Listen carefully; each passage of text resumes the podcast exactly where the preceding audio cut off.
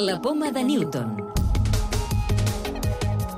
En Purificació Barcelona.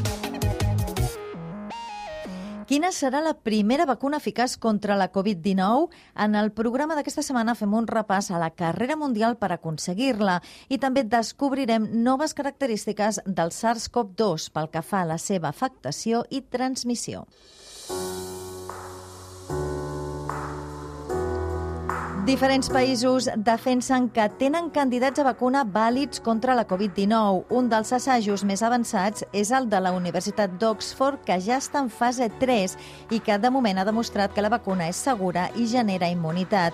Ha valorat els resultats Julià Blanco, investigador de l'IRSI Caixa. Són molt bons, s'està generant un bon nivell d'anticossos neutralitzants, són els que realment bloquegen la infectivitat del virus i, a més a més, s'està generant una resposta celular, de manera que també permet ser optimistes no només de l'eficàcia de la vacuna, sinó també de la durabilitat d'aquests anticossos que està generant la vacuna. Un altre projecte prometedor és el de l'empresa nord-americana Moderna. Tenen una vacuna ja provada en humans que pot estimular el sistema immunitari i que, segons els seus impulsors, també pot neutralitzar el virus, tot i que els resultats definitius no es tindran fins a finals d'any. A la mateixa línia s'expressen els responsables d'un altre projecte molt avançat, el de la vacuna de Wuhan, a la Xina. I també Rússia ha anunciat per sorpresa que tenen una vacuna eficaç que podria ser una realitat al setembre.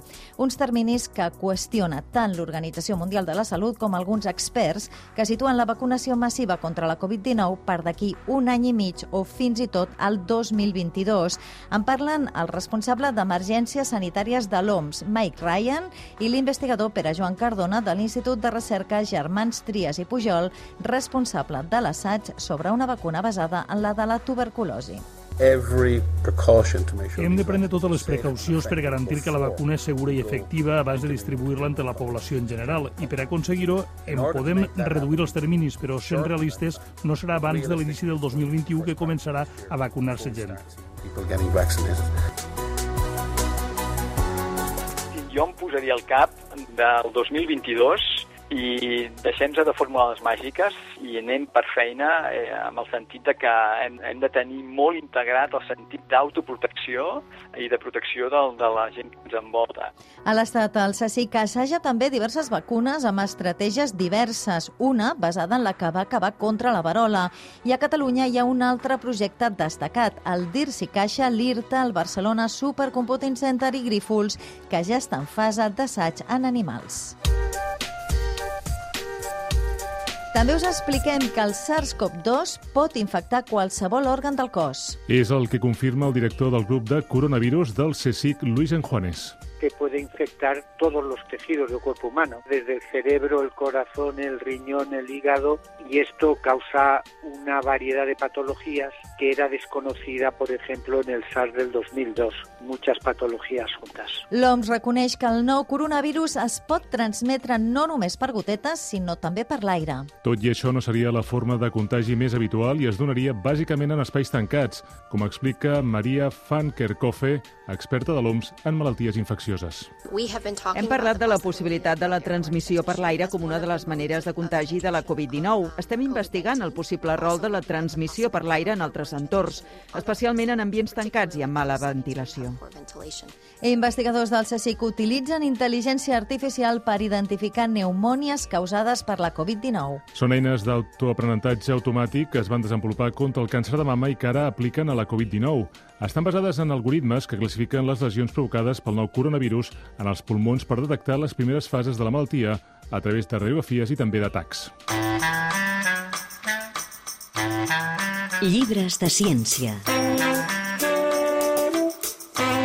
Avui us fem una proposta per descobrir com aconseguim conviure amb alguns virus, però també la batalla biològica que experimenta el nostre organisme quan aquests microorganismes ens ataquen. Es tracta del llibre Un dia en la vida d'un virus, del doctor en genètica i biologia celular Miguel Pita, descriu de manera amena què són exactament els virus, com es relacionen amb els humans i també com en ple segle XXI poden fer escac i mat el sistema de vida tal i com el coneixem.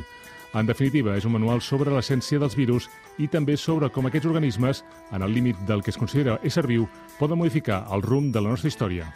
La clau de volta. El SARS-CoV-2 es podria tornar menys agressiu?